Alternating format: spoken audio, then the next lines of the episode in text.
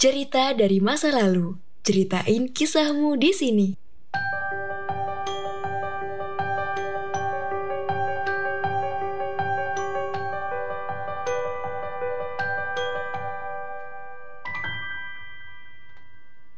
Halo teman-teman, Assalamualaikum warahmatullahi wabarakatuh Apa kabar kalian? Dan pada kesempatan kali ini kita masuk di konten cerita dari masa lalu teman-teman Konten ini adalah menceritakan tentang cerita-cerita atau kisah-kisah yang berkesan banget yang benar-benar gak bisa dilupain sama teman-teman di masa silam gitu kan.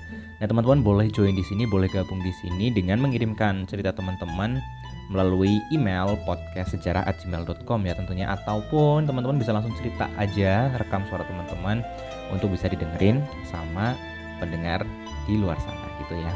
Dan pada kesempatan kali ini ada sebuah cerita yang mungkin bisa kita jadikan sebuah pelajaran karena cerita ini adalah menarik banget yang mana ini bisa menjadi pesan yang sangat penting banget buat kehidupan kita gitu ya.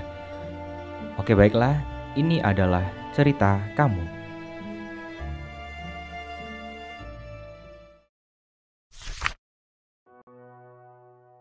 Kenalin, Gue Farid dan gue dari daerah Jabodetabek. Cerita ini adalah cerita tentang rasisme yang pernah gue alami sebenarnya. Dan semoga ini bisa menjadi pelajaran buat kita semua bahwa nggak ada yang lucu tentang hal-hal kayak gini gitu kan. Ini adalah sedikit cerita tentang pengalaman yang gak enak yang gue alamin. Gue hidup di daerah Jabodetabek yang berarti gue kalau ngomong ini campur Inggris dan hidup di antara banyak manusia yang memiliki background berbeda background ini tuh termasuk suku, budaya, ras, dan juga yang lainnya. Oke tanpa berpanjang lebar kita recap sedikit ya. Nenek dari ayah gue adalah orang Cina daratan yang udah jadi mualaf di Indonesia. Nenek itu nikah sama kakek gue yang orang pribumi dan anaknya setengah Cina. Nah, terus berarti kan gue ini adalah seperempat Cina lah bisa dikatakan kayak gitu. Gue terlahir di keluarga ekonomi menengah doang, gak ke atas, dan gak ke bawah. Cukup uang untuk makan dan sedikit investasi serta foya-foya. Gue terlahir 2 kg dengan kepala yang besar, kulit sawo matang dan tentunya bermata sipit. Gue harus bersosialisasi dengan tuntutan bahwa manusia adalah makhluk sosial dan fine gue berhasil bersosialisasi dan memiliki dua circle yang gue suka ketika itu. Yang pertama adalah circle JFW, antusias atau Jakarta Fashion Week dan satunya lagi adalah salah satu kumpulan yang seringnya mungkin mengkritik pemerintah ya dan sedikit condong ke Islam.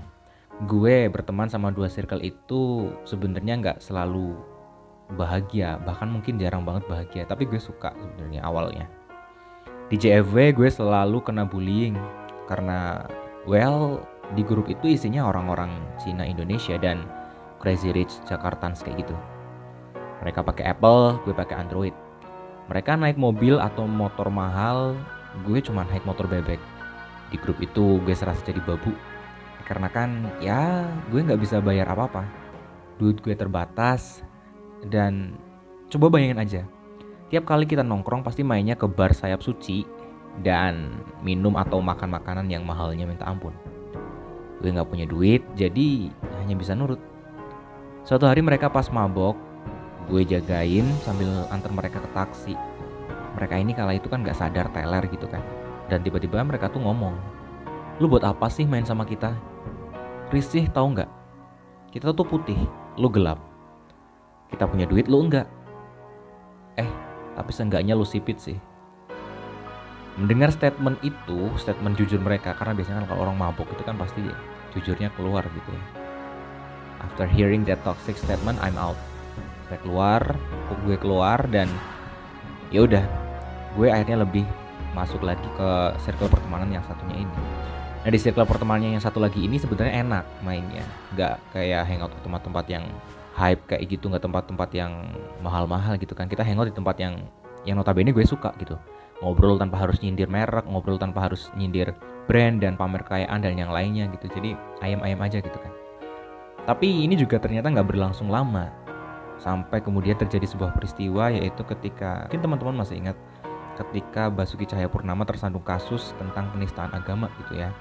Dari kasus itu dari peristiwa itulah kemudian yang membuat uh, sentimen-sentimen seperti itu tuh muncul kembali gitu kan.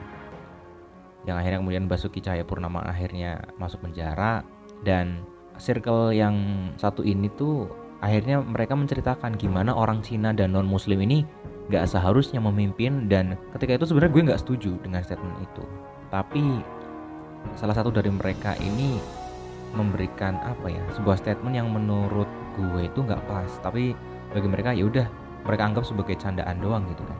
Mereka bilang kayak gini lu sih sipit Cina lu pasti dukung Ahok lah. Malu coy sama agama sendiri. Sama muslim harusnya dukung muslim lah beriman kan lo? Dia bilang kayak gitu. Pas habis dia ngomong kayak gitu semua orang di circle itu ketawa. Gue bingung dan gue cuma diem. Walhasil ketika itu gue langsung pergi. Alasannya adalah gue mau pulang karena lapar gitu kan. Tapi ketika itu gue bayar bill gue tagihan gue di situ.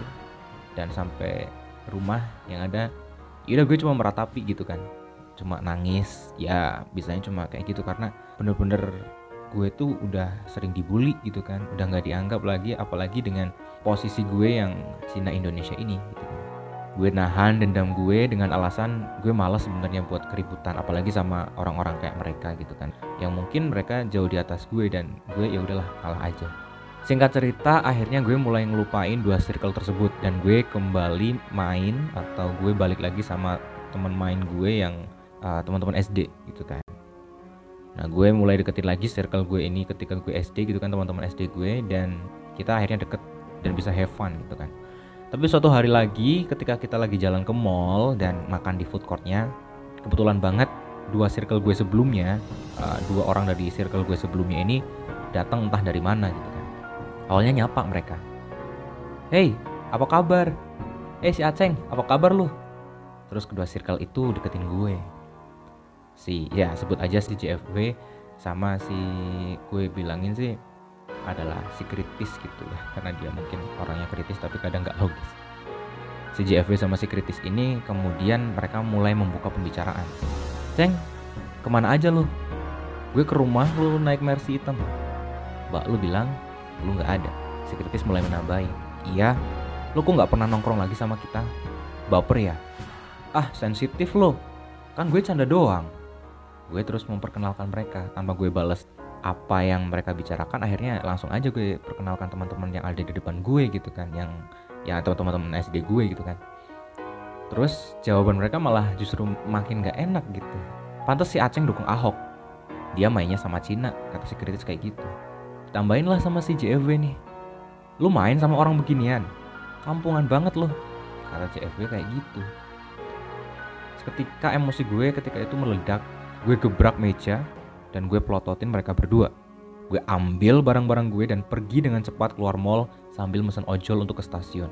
Gue dikejar sama mereka, gue dipanggil dan gue nggak noleh, gue nggak ngubris sedikit pun.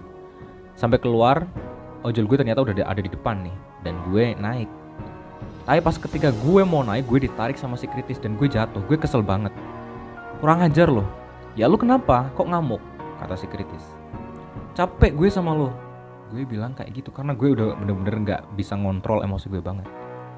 Tiba-tiba si, si CFW ini bilang bagus loh jauhin orang-orang yang bawa influence buruk buat lo. Udahlah main sama kita lagi aja kata si CFW kayak gitu. Gue arahin pandangan mata gue tajam ke arah mereka berdua. Gue tarik nafas dan gue labrak mereka sampai diliatin orang-orang di luar mall ketika itu. Denger lu berdua bisa nggak bercandanya nggak usah menghina posisi gue Gue tahu gue blasteran Cina dengan kulit hitam dan ekonomi gak sebagus kalian. Tapi bukan berarti gue diperlakukan seperti babu dan boleh dihina setiap saat. Dan lo, gue tunjuk mereka berdua. Gak ada hubungannya ras gue dan bentuk mata gue dengan keimanan gue. Siapa lo bisa ngejudge iman gue? Lebih hebat lo dari Tuhan. Gue bilang kayak gitu dan semuanya hening. Gue lanjutin dengan kalimat terakhir ketika itu. Lo berdua, berkepala dan berotak kan. Harusnya lo bisa mikir. Gue bentak dan gue pergi naik ojol ada sedikit rasa lega tapi juga masih uh, gue nggak bisa terima dengan apa yang mereka lakukan apa yang mereka sampaikan ke gue gitu kan sampai perjalanan itu nggak sadar gue nangis dan si driver ojolnya ini akhirnya kemudian berhenti di pinggir jalan dan beliin gue air mineral gue kesel luar biasa sampai gue ini ya sesek banget gitu kan nangis gitu driver ojolnya ini kemudian buka helm dan buka maskernya. Ternyata dia juga ras Cina Indonesia juga. Dia bilang dia mau ngelanjutin perjalanannya asalkan gue nggak nangis lagi.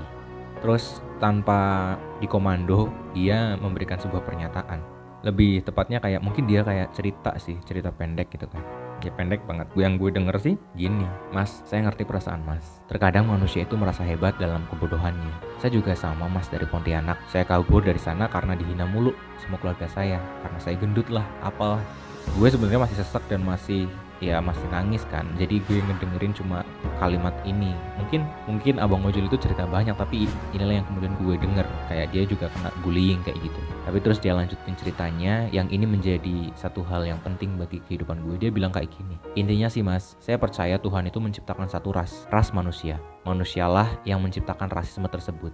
Jadi manusialah yang mengkotak-kotakannya. Dengar kalimat itu gue langsung speechless. Gue lanjut perjalanan dan sampai di KRL gue cuma bisa ingat kalimat tersebut. Dan walhasil kalimat itu telah yang menjadi salah satu pegangan gue untuk melanjutkan kehidupan gue selanjutnya gitu loh. Bahwa gue harus pede dan gue harus tahu siapa gue dan gue nggak mau lagi ditindas ataupun dibully seperti itu karena ya ini gue apa adanya gitu loh dan gue harus benar-benar percaya diri dengan apa yang ada di diri gue kayak gitu. So ini adalah cerita gue, semoga ini menjadi sebuah pelajaran buat kita semua karena gak ada lucunya tentang hal-hal yang kayak gini yang ada malah kita saling memecah belahkan satu sama lain terima kasih untuk mendengarkan cerita gue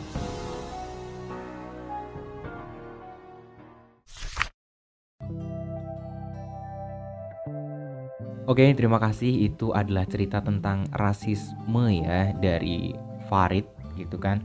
Teman-teman, gini ada sebuah quotes yang bisa kita ambil dari cerita Farid. Ada salah satu tokoh Indonesia, mantan presiden Indonesia, Gus Dur, dia pernah berkata bahwa tidak penting apa pun agamamu ataupun sukumu, kalau kamu bisa melakukan sesuatu yang baik untuk semua orang, orang tidak akan pernah bertanya apa agamamu, apa rasmu, apa sukumu dan yang lain sebagainya. So itu balik lagi ke kitanya. Jadi kalau misalnya kita bisa membawa diri, kita bisa baik dalam menjalani kehidupan ini dan bisa benar-benar humble dengan semua orang, ya pastinya kita akan diterima semua pihak. Dan itu justru akan menjadi nilai penting buat diri kita. Buat teman-teman, jangan pernah melakukan hal-hal tercela seperti itu ya kayak rasis ataupun yang lainnya karena kita semua sama. Kita sama-sama manusia yang kedudukannya semuanya itu sama di mata Tuhan. Jadi nggak usah sombong, nggak usah banyak tingkah bergaya dan yang lain sebagainya gitu sih. Oke itu aja cukup sekian untuk episode kali ini buat teman-teman yang juga punya cerita menarik dan cerita masa lalu yang susah untuk dilupakan ataupun masih membekas sampai sekarang ceritain aja di podcast dari Indonesia di segmen cerita dari masa lalu. Teman-teman bisa ngerekam suara teman-teman sendiri terus kemudian dikirimkan ke kita. Nanti kita yang edit deh. Nah, kalaupun nggak mau ngerekam suaranya, tulis aja ceritanya kayak teman-teman ini yang udah ngirimin ceritanya di podcast sejarah at gmail.com. Nah nanti podcaster-podcaster kita akan membacakan dari cerita teman-teman. Itu aja yang bisa saya berikan ke teman-teman untuk episode kali ini. Saya Taufik undur diri pamit. Salam sejarah. Sampai jumpa. Assalamualaikum warahmatullahi wabarakatuh.